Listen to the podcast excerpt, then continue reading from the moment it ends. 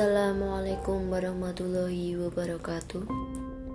Di sini saya Risa Mirasanti akan membacakan teks drama yang berjudul Iblis yang akan diperankan oleh saya sendiri sebagai Ibrahim dan Iblis laki-laki.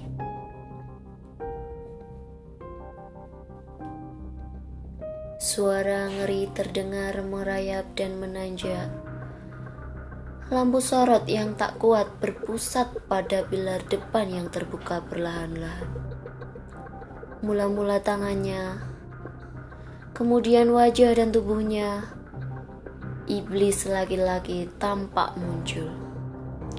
Wajahnya yang berangasan, menyeringai-nyeringai.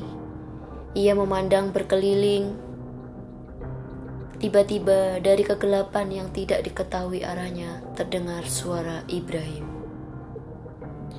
Ibrahim sendiri di luar petas tidak kelihatan.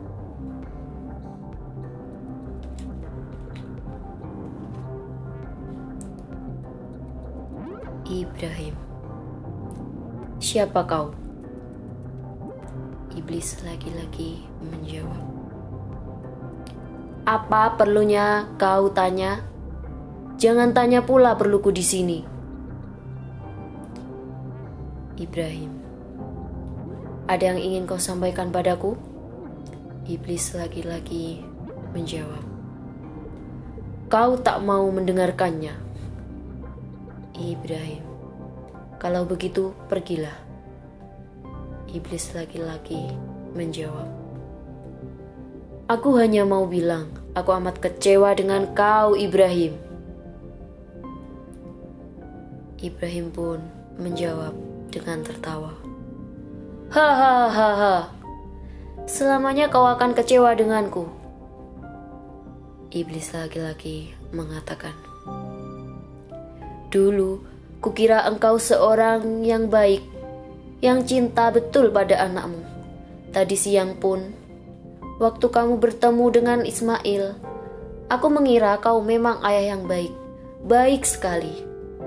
Tapi sekarang bukti yang ada padamu, kau ternyata seorang ayah yang amat-amat jahat. Ibrahim, Ibrahim, Ibrahim menjawab, "Teruskan, teruskan." Iblis lagi-lagi, "Hah, bagus. Jadi kau dengarkan juga omonganku." Heh, perkataanmu amat manisnya siang tadi itu Ibrahim. Tamasya, tamasya. Hahaha. Tentu kau tahu maksudmu dengan tamasya. Kau telah kelabui istri dan anakmu. Tamasya, tamasya. Ismail senang sekali kau ajak tamasya. Istrimu juga gembira hatinya karena kau ternyata telah menunjukkan cintamu, cintamu yang palsu itu dengan berlebih-lebih pada Ismail.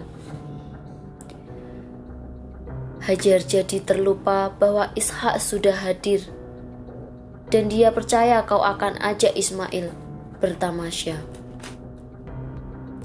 Ismail pun tidak tahu sama sekali sebenarnya dia akan kau sembelih di puncak gunung. Istrimu tidak tahu anak kesayangannya akan kau habisi nyawanya. Itulah jahatnya kau, jahatnya kau sebagai seorang ayah dan seorang suami. Tak ada yang lebih gila dari seorang ayah yang menyembelih anaknya sendiri. Coba tanya hatimu sendiri, Ibrahim. Hati seorang anak yang gagah dan cerhat cerdas. Tegakah kau melakukan perbuatan yang keji itu? Tegakah? Ibrahim menjawab, Aku heran kau bisa mengatakan akan sesuatu yang benar. Iblis laki-laki pun menjawab, "Kenapa tidak?" Ibrahim, "Biasanya omonganmu dusta melulu." Iblis laki-laki, "Jadi bagaimana?" Ibrahim pun menjawab, "Besok pasti ku sembelih Ismail."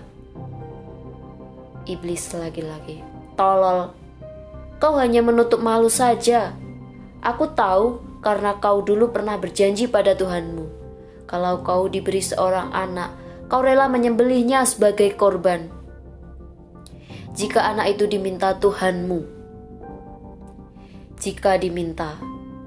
Dan sekarang betulkan Tuhanmu meminta, kau hanya bermimpi karena aku ketakutan hatimu. Begitulah besar ketakutanmu sehingga engkau bermimpi-mimpi. Mimpi yang gila ini, kau kira tagihan dari Tuhan. Tolol kau Ibrahim. Kalau itu betul, itu perintah Tuhan, maka Tuhanmu Ibrahim pun segera menjawab, "Diam, iblis." Iblis terkutuk. Iblis laki-laki menjawab, "Memang aku terkutuk.